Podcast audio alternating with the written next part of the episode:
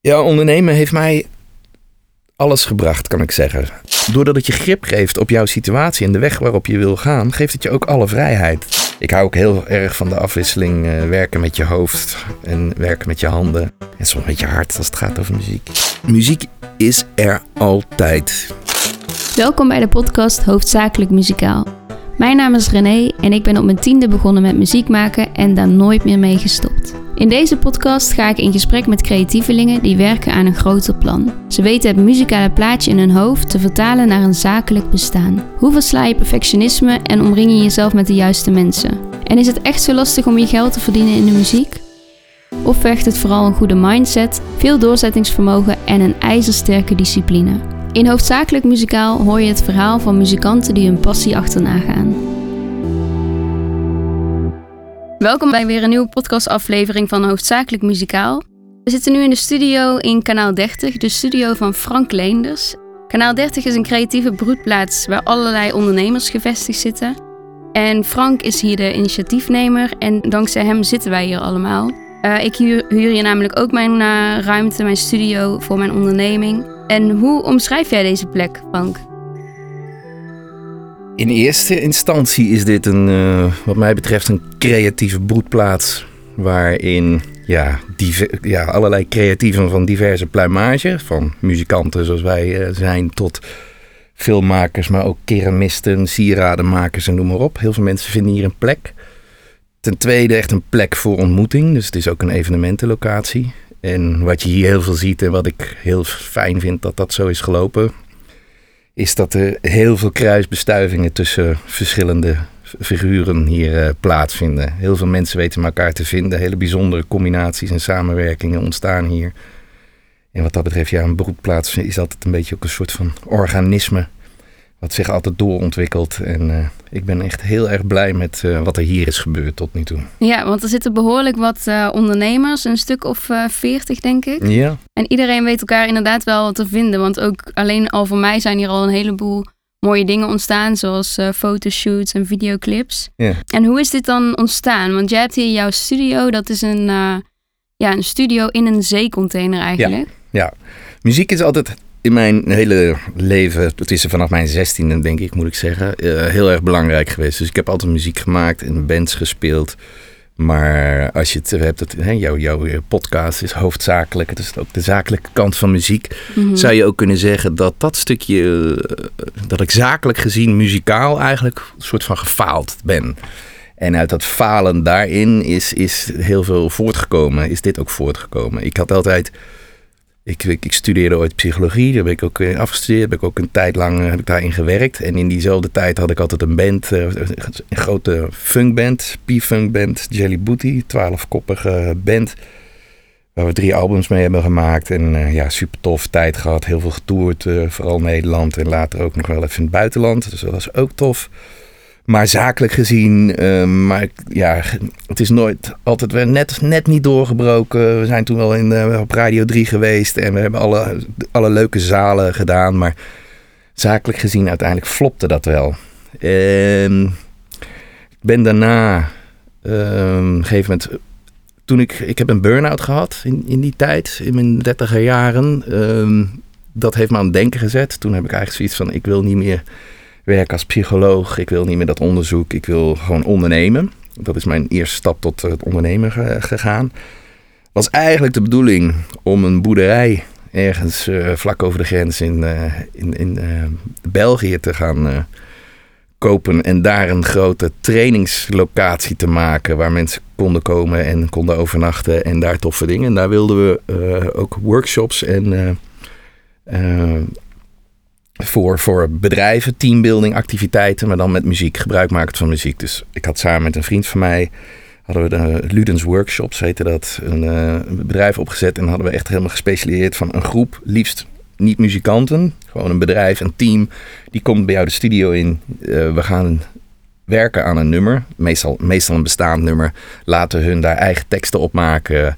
Uh, gekoppeld aan het thema waar ze mee bezig zijn, van hun teambuilding. En nou gaan we de hele proces van opnemen uh, doen. Dat is eigenlijk jarenlang een bedrijf geweest. Daarna ben ik gaan uh, een andere onderneming terechtgekomen waar eigenlijk muziek heel erg uit beeld kwam.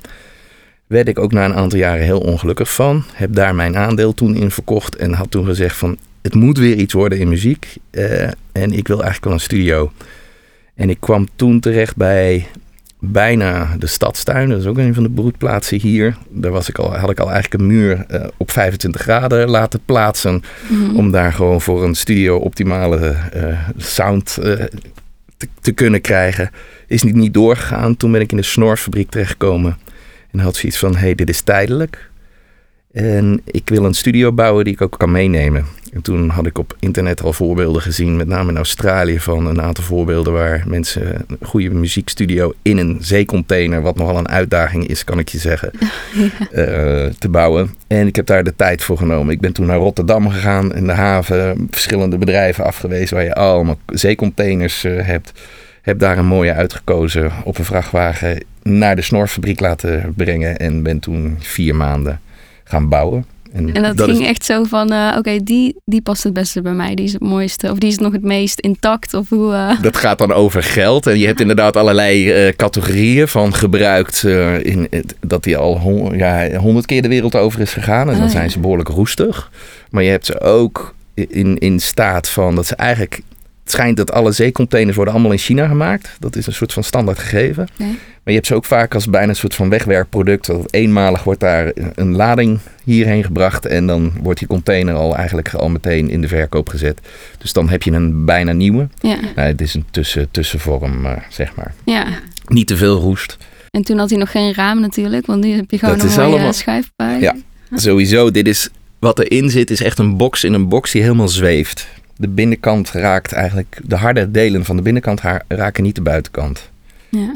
Dus het, is, het zit op een dikke schuimrubber vloer waar, waar de, de vloer op ligt. En er zit een houtconstructie in met de gipsplaten zeg maar, er, aan, er tegen gezet. En dan pas naar de wand. Tussen het staal en de zit heel veel rockwool. Ja. En het raakt de buitenkant niet. Dus dan heb je een beetje optimale isolatie nog. ja, en je hebt hem ook helemaal zelf gebouwd dan? Wauw. Ja. En de snoffabriek, dat, is, dat, of dat was, dat bestaat niet meer toch? Dat Nee. was iets vergelijkbaars met eh, kanaal 30 waar we nu zitten? Ja, in zoverre dat het was een, een, een voormalig gebouw. Echt prachtig gebouw. Heel industrieel eh, gebouw met hele mooie stalen constructies. En eh, met het voormalig gebouw van de NS. Die maakte daar delen van, van, van treinen ooit. En dus daar dat, een grote open hal, niet verwarmd. Dus je moest wel met allerlei... Dus die stond helemaal vol met, eh, met, met allerlei bouwketen. En een heel groot deel is nu hier. Want dat heb ik uiteindelijk meegenomen hierheen. Mhm. Uh, maar de ontwikkeling daar was dus van, ik had die studio gebouwd. Ik ging weer workshops draaien. Ik ging daarnaast wat uh, singer-songwriters en dat soort dingen ging opnemen. Ik, ik heb daar gegeven moment ook zo de soundcontainer sessions van gemaakt. Die zijn ook nog online te vinden. Van allemaal talenten uit, uit en rond Utrecht destijds die, die kwamen opnemen. Heel tof. Uh, maar was niet voldoende om uh, mijn boterham mee te smeren. Mhm. Mm -hmm. En wat eigenlijk wat ik heel leuk vond daar was dat er, was een hele community ook. En een hele gave ruimte waar je echt hele toffe events kon uh, doen. Nou vonden de dames die de, die, die, die de snorfabriek leidden, die hadden daar op zich niet zoveel mee. Die Mhm. waren van een uitgeverij, dus die hadden zoiets van, nou, als, ik, als jij dat leuk vindt, doe het. Dus ik ben dat een beetje gaan, de events gaan optuigen en, uh, en gaan, gaan draaien. Dus ik had daar eigenlijk twee, twee functies. Enerzijds mijn studiowerk en anderzijds de, de events uh, manager. En vanuit die rol kwam op een gegeven moment de eigenaar van het pand hier. Die was daar een keer bij een van de bijeenkomsten uh, waar de gemeente en alle, allemaal projectontwikkelaars waren betrokken. En die hadden zoiets van wauw, dit is een gave, gave sfeer hier. En wij hebben een gebouw wat over een jaar of vier, vijf, zes, en niemand die het weet, maar tegen de vlakte moet voor, omdat we daar gaan woningen willen gaan realiseren. Ja, we hebben de keuze ofwel zet dat gebouw op slot of sloop het al. Of laten we daar nog iets tofs mogelijk maken, zo, uh, zoals in de snorfabriek.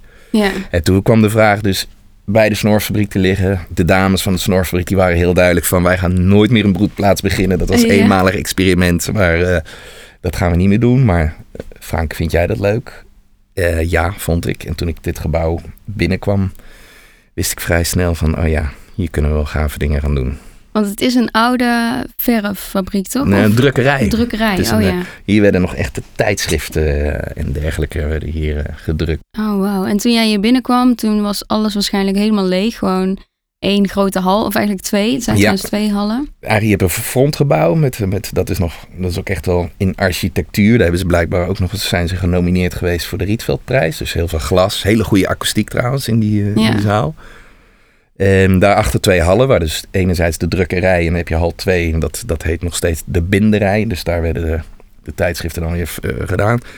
Ja, het was helemaal lege hal.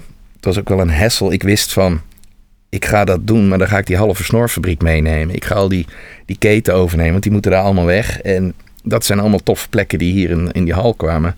Maar ik kwam er wel heel snel achter dat er maar één rolluik was in dit pand, in hal 2.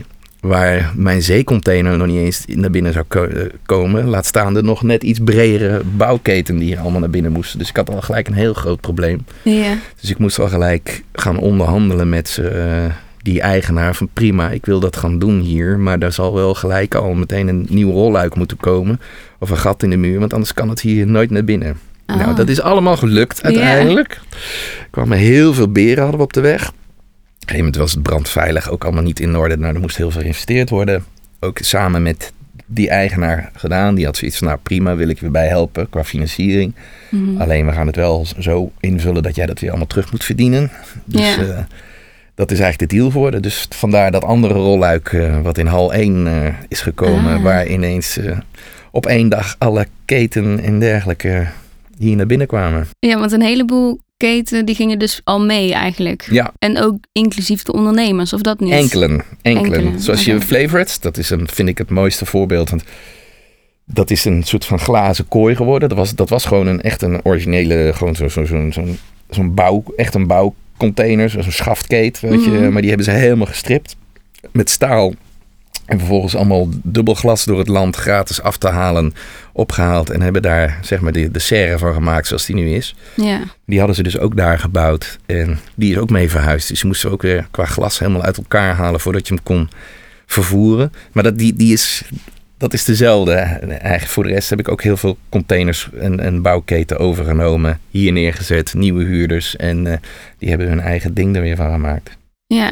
En het is natuurlijk wel een tijdelijk iets. Dus je weet dat je uiteindelijk moet je weer overgaan naar een nieuwe locatie. Is dat juist eh, een fijn idee? Of, of zit je daar tegenaan te hikken van, oh, over een paar jaar moeten we... Ja, Weg. ja, beide. Ik heb altijd, juist in, in de tijdelijkheid, eh, gaf dat ook heel veel mogelijkheden om te, te ondernemen. Ik bedoel, je hebt het toch over andere prijzen en je kan toch met andere, andere dingen mogelijk maken die je met een permanente locatie misschien wat toch wel anders moet, moet invullen. Mhm. Gaf ook dus de gelegenheid om het hier veel ruimer te kunnen, te kunnen opzetten zoals het nu is. Met veel meer ja, ruimte en alles voor, voor, voor iedereen. Ja.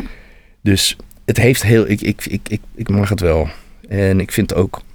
Bij mijn persoon past het ook wel dat er maar over een aantal jaren. dat er dan weer iets nieuws moet gebeuren. En eh, ik ben wel bezig om te kijken: van kunnen we hier een permanente plek van maken? Niet hier, hier moeten we weg, maar wel in dit gebied bijvoorbeeld. Dat Ja. wordt nu wel onderzocht om te kijken: van nou, kunnen we zoiets gaan optuigen?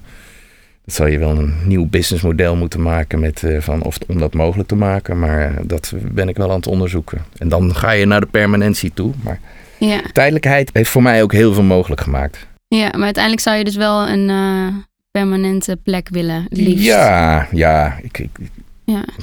Het is natuurlijk ook echt een aanwinst voor gewoon de hele Ja. omgeving hier. En er is gewoon heel veel, ja, er komen hier heel veel mensen, nu dan iets minder in deze tijd. Maar het is gewoon wel echt, eh, ja, echt een broedplaats. Het Ja. is echt, eh, het leeft hier gewoon. En sinds kort hebben we hier dus ook Café Kate.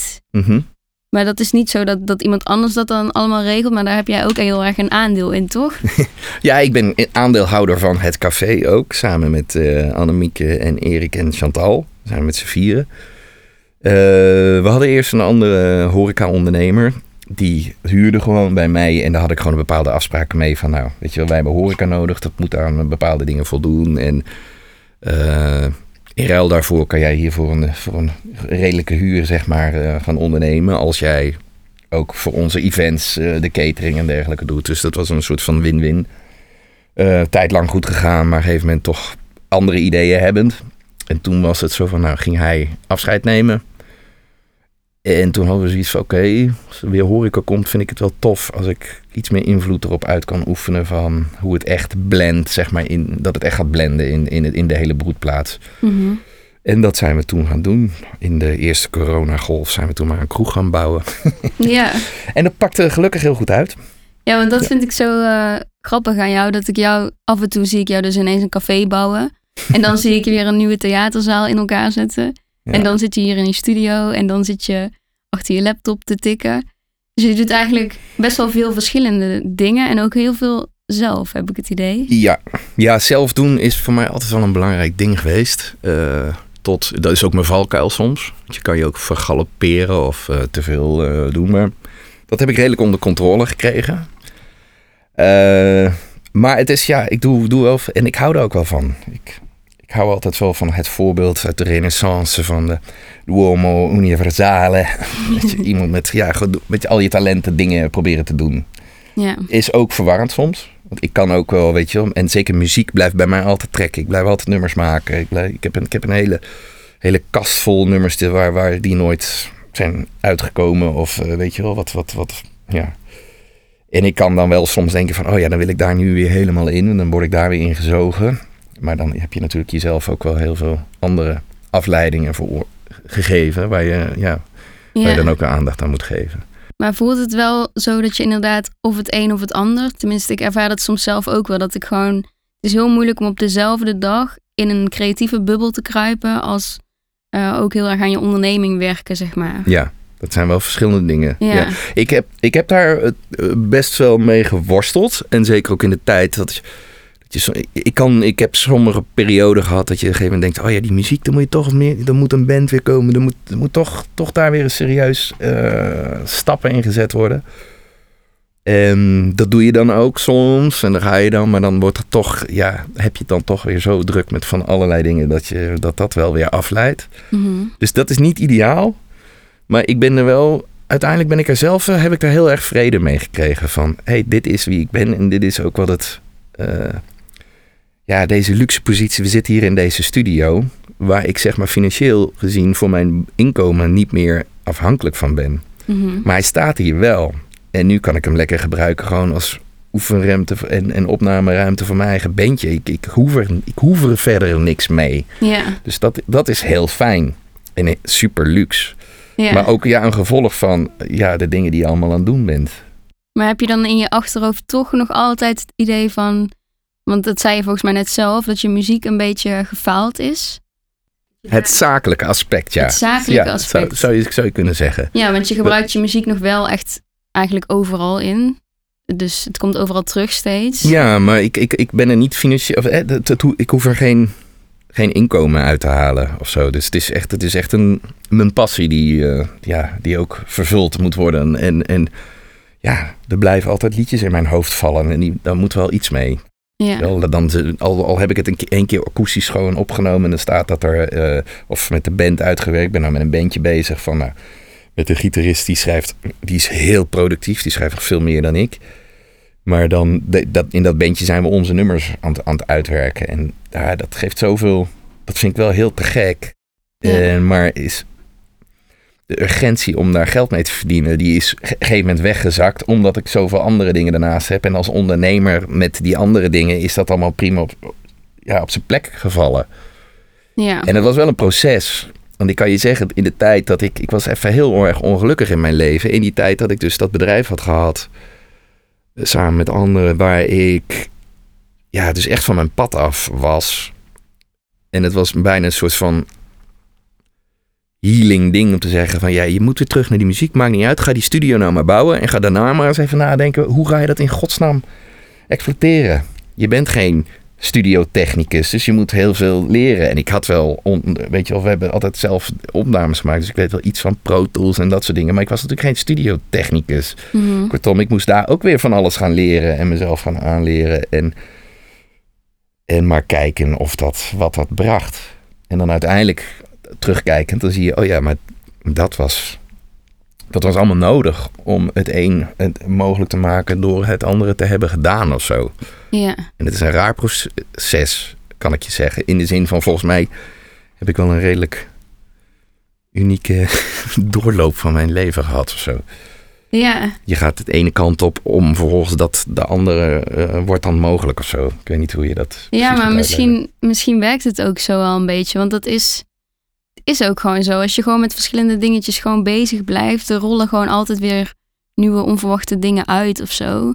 Nou is het ook wel heel goed om super gericht, doelgericht bezig te zijn. Maar ik kan ook wel begrijpen dat die, die noodzaak om met bijvoorbeeld je band bekend te worden, dat geeft ook zo'n zo'n onrust of zo. En, en dat je er geld mee wilt verdienen. En nu heb je eigenlijk een financiële basis en is muziek gewoon jouw je passieproject, zeg maar, daarnaast. Ja. het is, kijk, het is, is een harde wereld, hè? De muzie- zeker inderdaad dat, dat stukje van muzikaal ondernemer, van hè, de, de, de, de mensen die, die inderdaad nog de, de behoefte hebben van, oh, we moeten met doorbreken met, met mijn muziek, met de band of weet ik veel wat.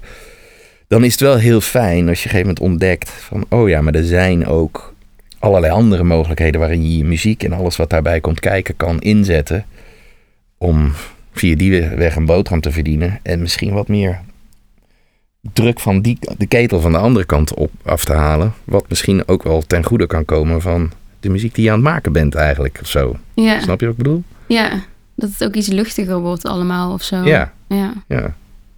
En ik vind het heel leuk om te zien. Ik heb een dochter die nu op de, de Rock Academie eh, zit. En daar zie ik dingen gebeuren of zo van dat je denkt van ja, ja, als ik dat ook die mogelijkheden ook zo had gehad of zo, dan was het misschien allemaal heel anders gelopen. Of eh, eh, weet je, super gaaf van de, de focus die ik bij haar zie.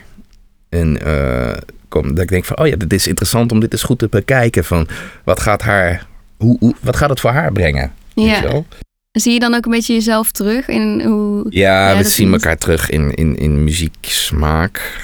Ze- ze, eh, ja, ik heb, blijkbaar heeft zij heel veel nou, naar muziek die ik veel luisterde geluisterd. We hebben allebei wel een voorliefde voor soul en voor, voor ja, weet je, ja, zwarte muziek, om het even zo te zeggen. Mhm. En ja, dus dat, dat, dat is heel tof. Dus zij komt met heel veel muziek. eh, die ik. Voor, voor mij gaan de, gaat weer een hele wereld open met, met alles waar zij mee komt.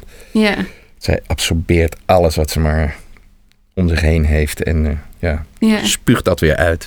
maar dat is voor jou ook wel leuk om te zien natuurlijk. Dan krijg je ook nog een beetje mee van hoe het er nu aan toe gaat. Want ik kan me ook voorstellen dat het een hele andere wereld is bijna. Ik bedoel, qua, qua technologie en weet je, al die, die programma's, Ableton en zo. Dat had je misschien... Toen had je dat misschien ook wel in de beginselen of zo. Maar nu is dat zo... Pro Tools ken ik uit die tijd van, Ja. eh, van Jelly Booty. Wij, eh, wij, wij namen onze plaat altijd op in Haarlem bij eh toetsenist van, van Gotcha. Oude funkband die iedereen nog wel kent als het goed is uit die tijd. Ja, En die, ja, die werkte met Pro Tools, dus daar heb ik, heb ik dat geleerd. Dus dat, dat was er wel, Ableton en zo nog niet. nee. Maar met Pro Tools kun je alles maken, zeiden we toen. hè? Ja.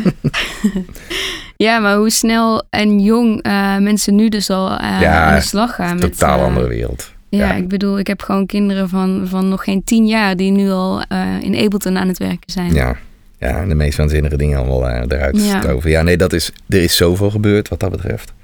Ja. Ja. En hoe ziet jouw, eh, jouw dag er dan uit? Bijvoorbeeld eh, in zo'n week, is dat heel afwisselend? Of heb je wel Ja. echt een, eh, een vast schema of een strakke Nee. planning? Of, Vaste schema's, daar moet je bij mij al niet aankomen. Je- Ik kom op tijd op mijn afspraken hoor, daar, daar niet van. Maar nee, nee, ik, is heel veel afwisseling. Dat, er zijn heel veel dingen te doen. En inderdaad, ja, wat jij zegt van, ik ben heel blij. En zeker in deze rare coronatijd, dat, dat, ik vond het heel lastig. Die eerste lockdown die we in toe vorig jaar maart kregen, dat je dan geacht werd thuis te zitten daar toen ben ik eh, toen van, oh ja, dan, dan moet mijn studio ook naar huis. Dus ik heb mijn studio mijn zolder neergezet. Maar ik werd daar, ik liep daar tegen de, de muren op. Ik werd daar helemaal gek. Ik, mhm, dan kwam er ook muzikaal helemaal niets uit. ja. Dus ik was toen heel blij dat we toen weer een afleiding hadden van, oh ja, er moet een nieuwe kroeg gebouwd worden. Dus dan zijn we daar van- van allerlei dingen. En dan kan ik me helemaal daarin storten en dan ben ik daarmee bezig en zo. Dat is wel een patroon. Dat ik altijd wel weer van project naar project. Ik probeer altijd wel projecten er, erbij te hebben die. eh, ik hou ook heel erg van de afwisseling eh, werken met je hoofd en werken met je handen. ja. En soms met je hart als het gaat over muziek. Ja, precies. ja. Maar je hebt wel, eh, je hebt geen strakke planning, maar je bent hier wel iedere iedere dag. Ja, nee, ik, ik maak wel heel veel uren en Ja. zo. Maar het, laat ik het zo zeggen, het is, het is, mijn dag is altijd anders. Ja, Het is niet zo dat, eh, ja, je ziet me vaak in het kantoor of weet ik veel wat zitten. En weet je, heel veel eh, terugkerende elementen. Maar het is wel eh, zeer afwisselend. ja. Ja, ik vind het wel leuk om even terug te komen op jouw muziekcarrière inderdaad. Want dat is dus al een hele tijd geleden. En Ja. je zei laatst van mijn liedjes zijn net op Spotify. Nee, ja, van Jelly Booty. Want dat is, dat is zeg maar de, de, de, de, waar ik de meeste tijd en, en energie heb ingestoken en het langst in heb gezeten. Is de band eh, Jelly Booty met een G, dus niet met een J. Ehm, daar hebben we in totaal, dat, was, dat begon allemaal in begin jaren negentig. Ben ik er in het begin bij geweest bij de oprichting. Toen met een andere band even verder gegaan en daarna weer teruggekomen daar. Super gave band in de zin van met helemaal de, de, de roots in de P-funk. Dus het was gewoon een hele grote band met eh, twee gitaristen, toetsen, eh, twee percussionisten, blazerssectie, achtergrondzang, de, echt de hele, hele shebang. mhm. Ehm, en eigen muziek, heel niet onbelangrijk. We deden echt alleen maar eigen muziek, niks, niks geen covers. Of, eh, dus, en het was dus een hele unieke eigen, eigen sound eigenlijk wel. En het toffe was, ja, wij, wij gingen altijd, we gingen toeren. We waren, het was echt een feestband, dus dat, dat, die, die reputatie die hadden we ook wel eh, vrij snel. En daarmee ja, kreeg het ook wel voor elkaar om echt leuke, leuke clubtouren te kunnen doen, weet je wel. We zijn gewoon wel langs alle toffe zalen gegaan. Van Paradiso, Tivoli, eh Effenaar, noem maar op, weet je. We konden altijd wel de toffe zalen eh, elk- elke keer weer, weer doen. Dus meerdere keren per maand optreden. Alle inkomsten die daaruit qua voortkwamen, die staken we dan weer, eh, ja, gingen we, spaarden we op om vervolgens weer het volgende album te kunnen opnemen. Mhm. Muziek, het maken met de muziek, eh, heel veel nummers, er waren een aantal in die band, hè, die kwamen met, eh, waaronder ik zelf deed dat wel eens, gewoon met, met, met basisideeën.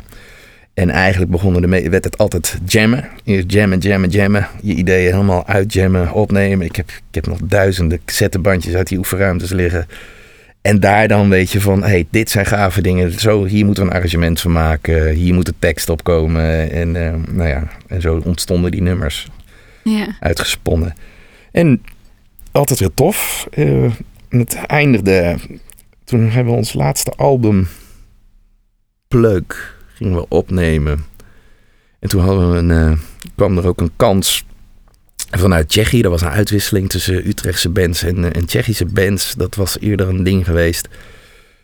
En toen waren, eh, was de band dus een keer naar, eh, naar Tsjechië geweest. En daar kwam eigenlijk uit voort van dat iemand dat zo gaaf vond daar, Ja. dat hij een hele tour voor ons heeft georganiseerd. En dat was echt zo gaaf, met een hele grote dikke touringbus, met alles erop en er echt helemaal voor bands helemaal toegespitst. Mhm. tien bedjes erin. eh, en eh, zo zijn we heel Tsjechië rond, van Praag naar Brno en allemaal hele toffe zalen. En eh, nou, toen hadden we dat gehad. Toen, toen begon het wel een beetje te kraken en te scheuren in die band. Zo van, nou, we zitten in die cyclus. er waren een aantal muzikanten die waren helemaal van, nou, die, die moesten echt, en die zijn ook professioneel muzikant geworden. En er zijn een aantal die zijn een hele andere kant op gegaan. Dus dat begon een beetje te wrikken. Toen hadden we net onze laatste album af. Toen eh, was het zo van, zullen we er dan maar mee stoppen? En zullen we onze presentatie, die hebben we toen in de helling gedaan. Zullen we onze presentatie meteen ons afscheidsconcert laten zijn? Toen hebben we dat maar zo gedaan. Oké, wauw. Ja. Maar jullie waren echt met veel eh, mensen ook, toch? Ja, ja. Dus dan dat- moet je dan dat- met z'n allen besluiten. Dat, eh, Ja, ja, ja, zeker. Het was zeer. er was, er was, was, er was geen, geen leiderschap van iemand. Het was gewoon een hele anarchistische bende. En iedereen moest het overal over eens zijn. Wat het niet altijd heel makkelijk maakte. ja, zeker met het- zoveel Ja, mensen. ja, ja. Dat varieerde altijd ergens tussen de 10 en de 13 mensen. Dat je op het podium waren. Ja. Maar dan is stoppen toch best wel een intens eh, besluit. Ik bedoel, Ja. dan moet iemand dat opgooien en dan gaat het rollen of hadden jullie Ja, een dat heeft beetje- natuurlijk ook. Kijk, voordat je daar komt, dan, beteken, dan, dan ben je heel wat, wat. Dan ben je een aantal ruzies en, en spanningsvelden verder, zeg maar. Dus dan ben je al. eh, dan, en heel veel repetities waarin, ja, nou, laten we maar gaan jammen. Maar weet je, als, als, die, als, de, als de vlam eronder uit is, Mhm. dan kan het heel stroperig worden. En als dat proces net iets te lang duurt, dan komt dat gesprek op een gegeven moment. En dan is het eigenlijk, er zijn er een paar die echt wel ja, broken hearted zijn en, en dat echt heel heftig vinden. Maar waar eigenlijk ook iedereen denkt van ja, maar het is ook duidelijk toch? Het is goed zo, het is klaar. Ja. En we hebben nog een reunie gedaan, eh, wat was het? 2015 geloof ik. In, eh, bij de Base. Dat was heel leuk. Hoeveel jaar heel- later was dat? Dat was dus eh, ruim tien jaar later. Want Oh, we zijn in echt? 2004 zijn we toen gestopt. Oh.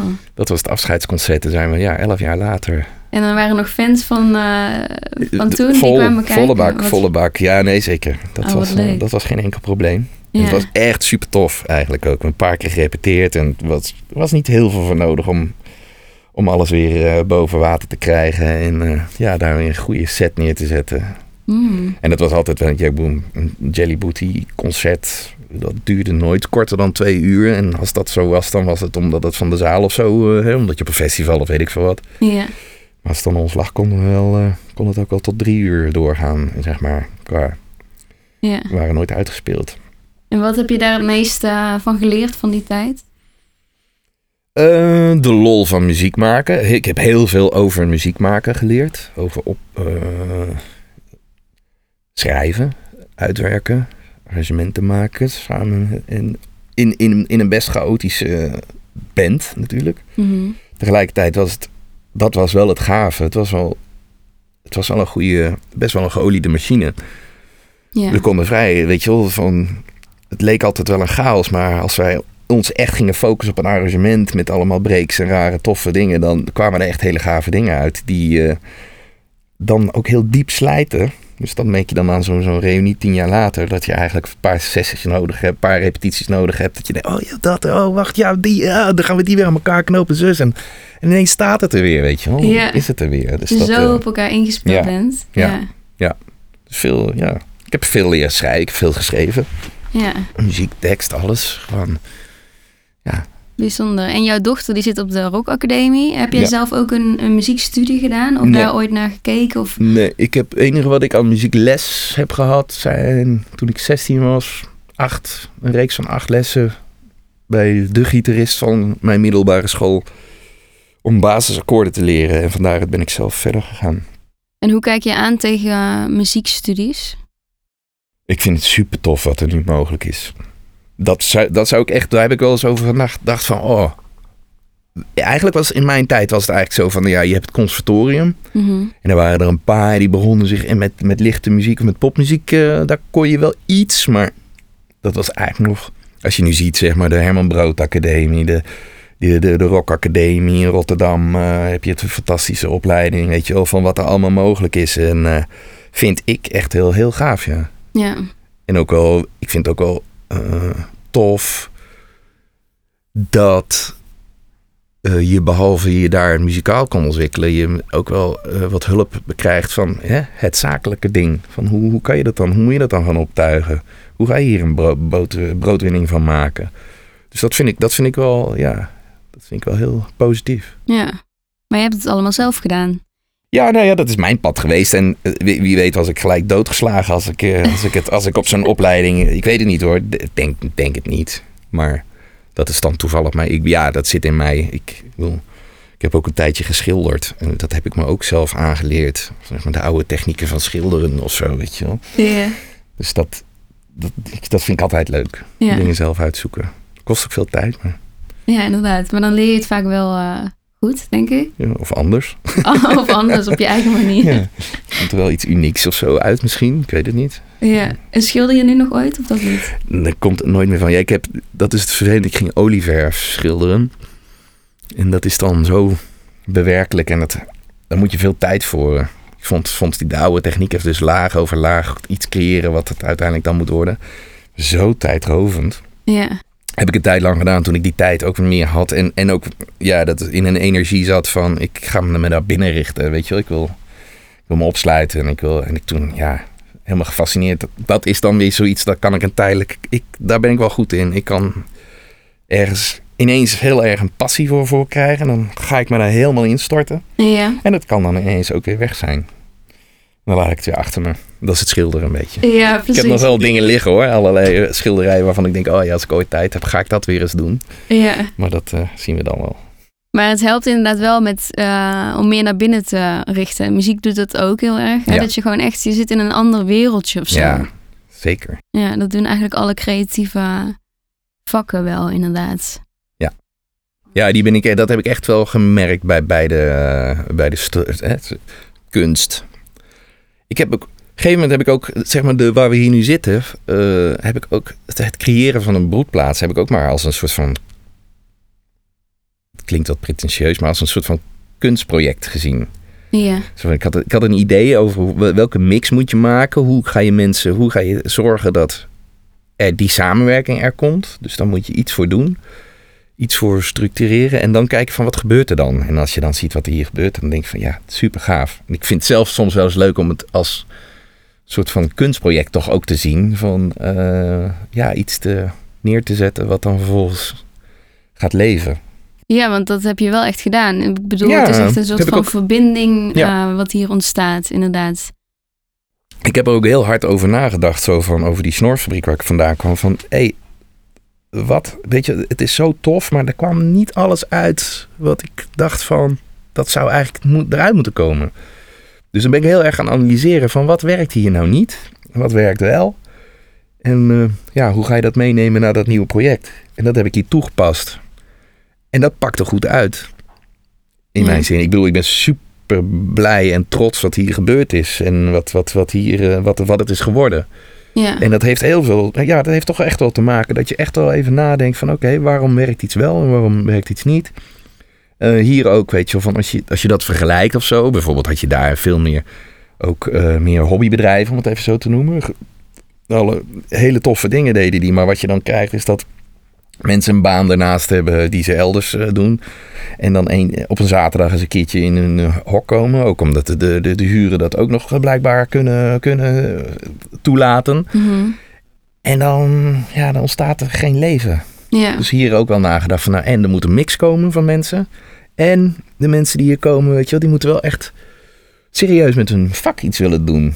Ja dat, ondernemen was heel belangrijk, Ja. vind ik. Het aspect van, je komt hier niet zeg maar alleen maar de kunstenaar uithangen die eigenlijk er niet van hoeft te leven, omdat eh, het, het potje al, weet je wel, ergens anders... eh, maar eh, hier gewoon, hier ga je ding doen, maar ook ga ondernemen. ja.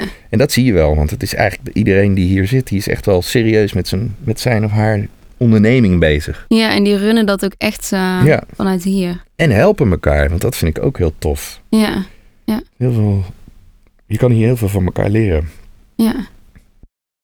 Oké, ja, de, de grootste lessen op het gebied van ondernemen. Hoe, eh, hoe kijk jij tegen ondernemen aan? Ja, ondernemen heeft mij alles gebracht, kan ik zeggen. Eh, met ondernemen, ja, als je, ondernemen is eigenlijk iets wat lastig misschien grip op te krijgen is, juist uit te pellen en, en tot, tot de kern te brengen. Daar ook te gaan rekenen van Oké, wat kost het je dan? En eh, waar moeten de inkomsten vandaan? Hoe ga je dat doen? En eh, als je zus doet, eh, wat betekent dat? En als je dat... Voordat ik dit ging doen, dat was eigenlijk zo'n grote... eh, er zaten heel veel risico's ook in. Een enorme investering moest er gedaan worden om dat gebouw überhaupt eh, goed te krijgen. En dat moet terugverdiend worden. Ik ben echt...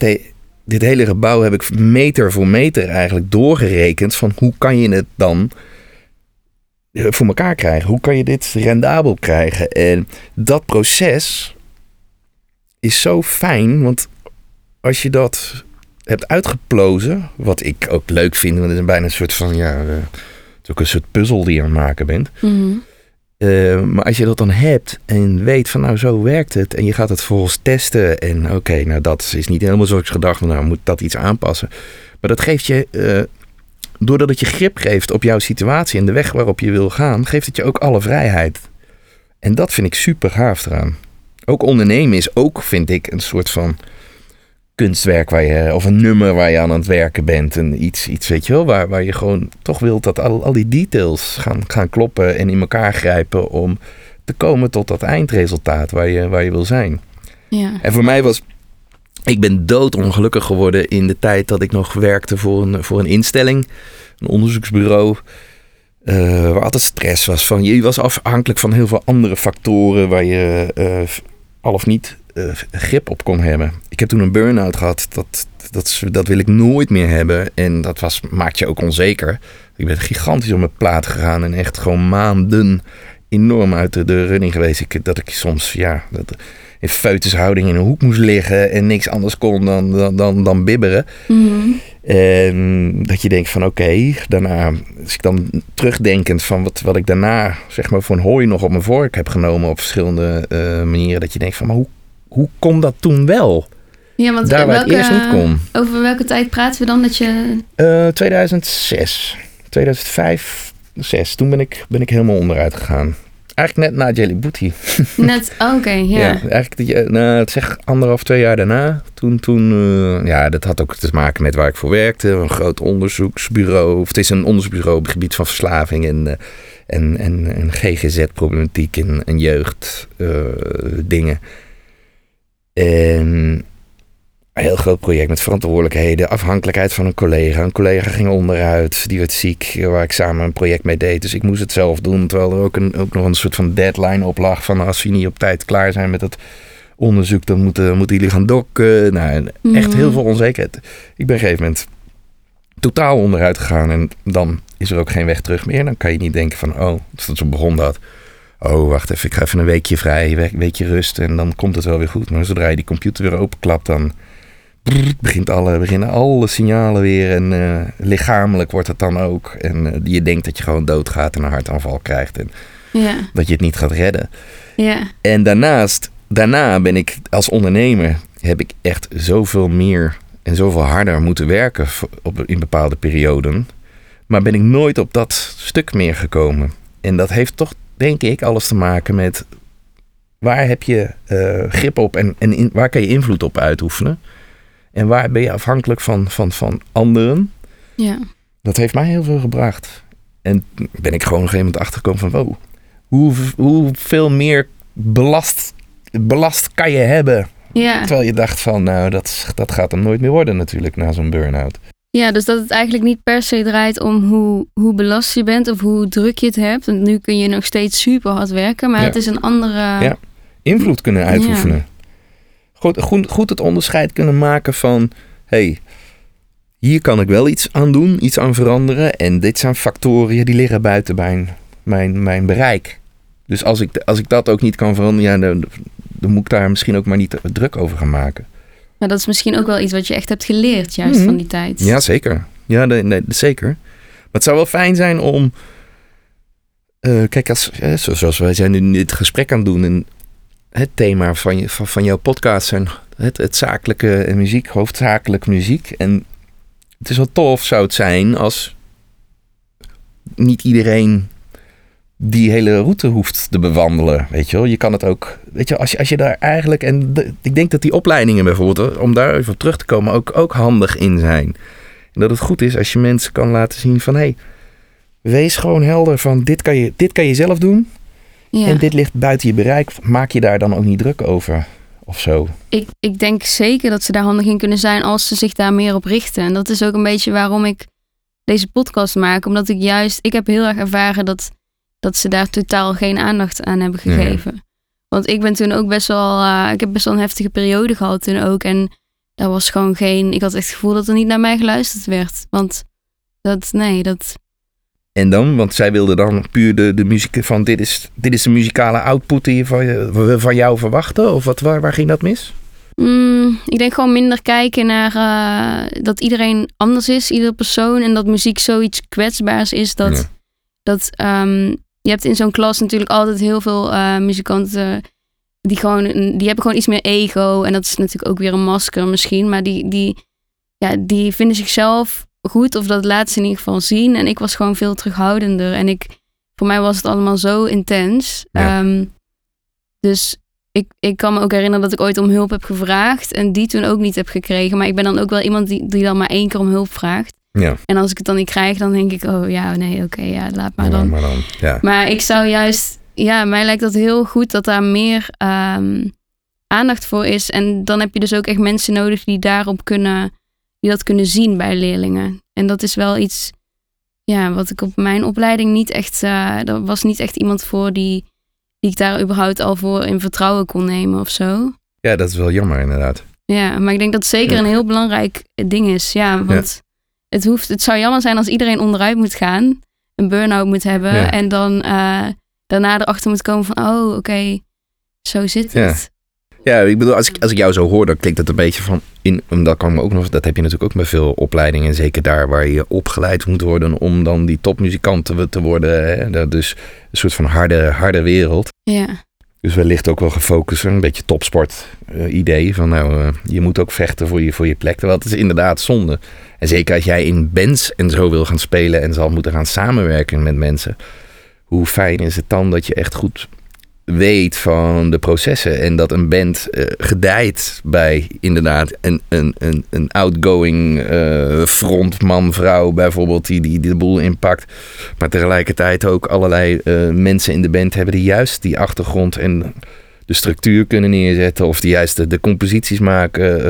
en dat je, dat je die, ja, die balans, die is inderdaad wel, wel heel belangrijk. Ja. ja.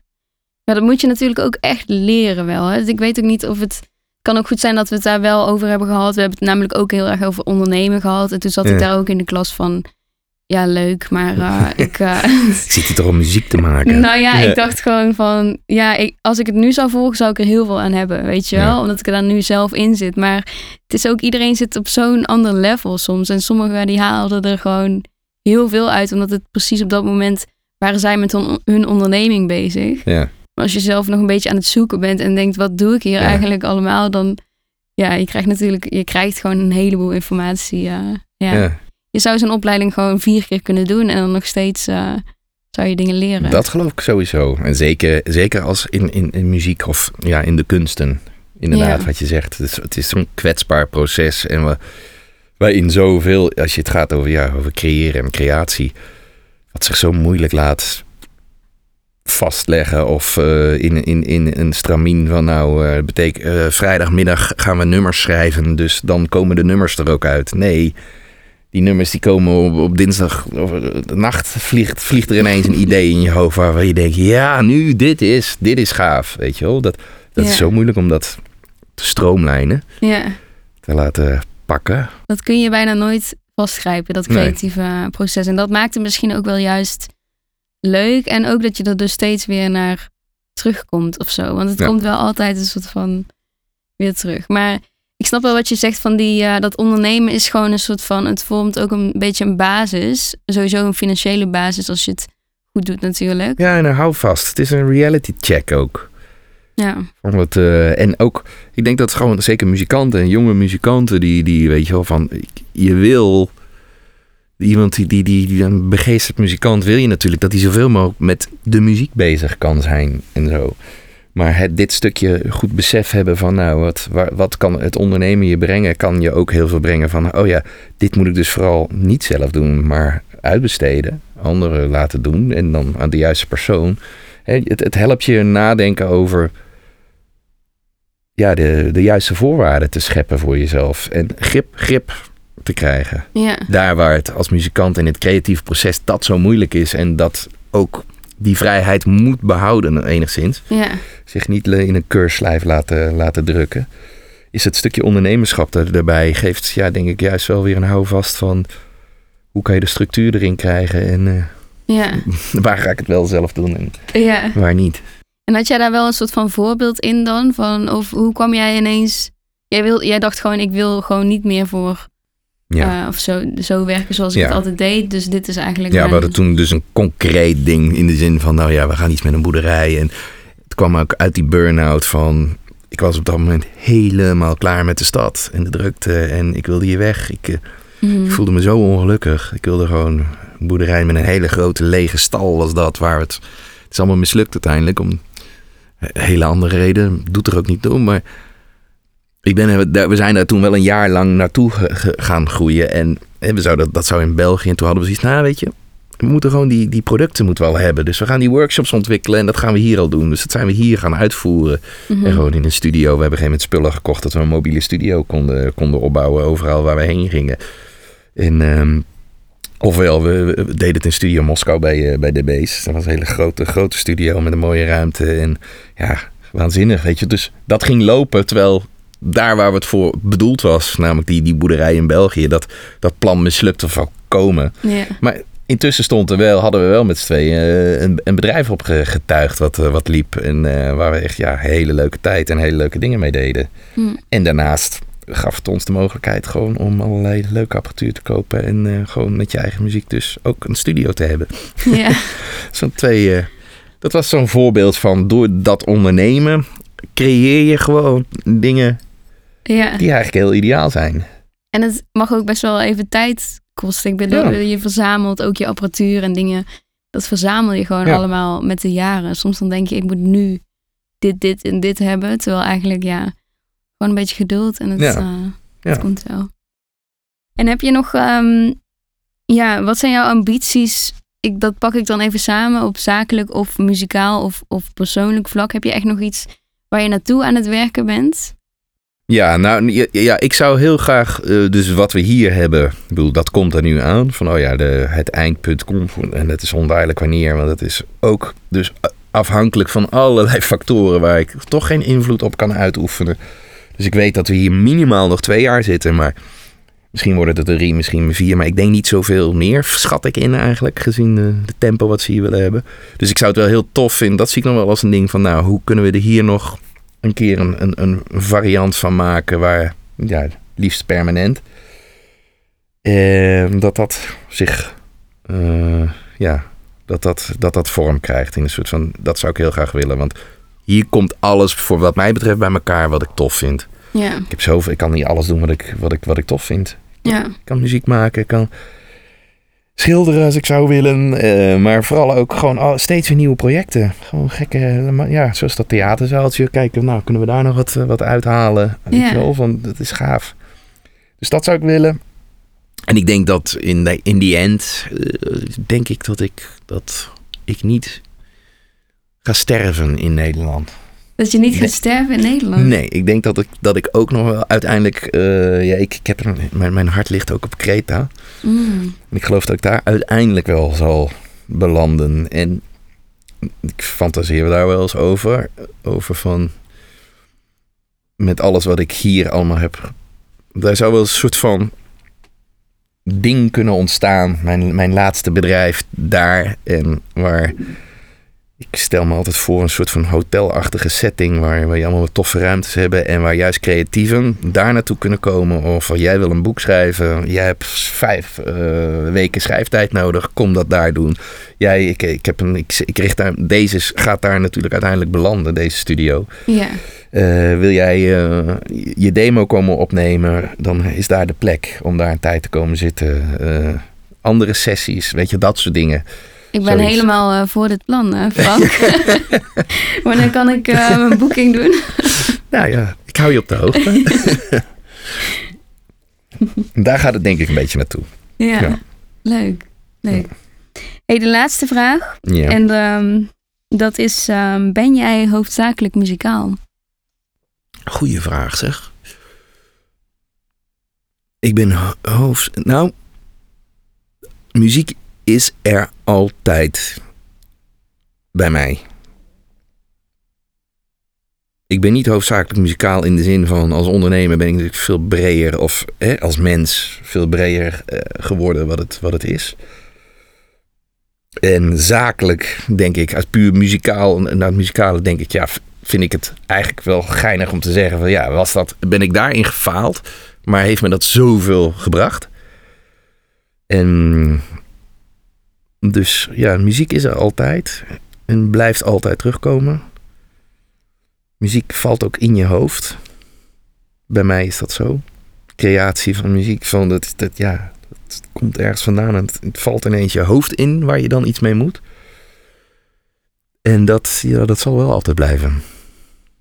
Hmm. Zakelijk gefaald op muzikaal gebied. En toch is muziek wel leid, leidraad. Ja, en heel mooi dat je het woordje hoofd, want dat is uiteindelijk het stukje mind, wat ik ook heel belangrijk vind, er ook in betrekt. Dus Ja. dat is eh, een mooi antwoord. Oké, nou, hele wijze, wijze woorden en eh, Een mooi gesprek, dankjewel Ja, hiervoor. jij ook bedankt. Dankjewel. En tot op eh, Greta. Dankjewel voor het luisteren naar deze podcast. Vond je het interessant en wil je me graag volgen voor meer? Dat kan. Ik ben op Instagram te vinden onder de naam René Verleg. En je kunt mijn website bekijken via www.renéverlegmusic.nl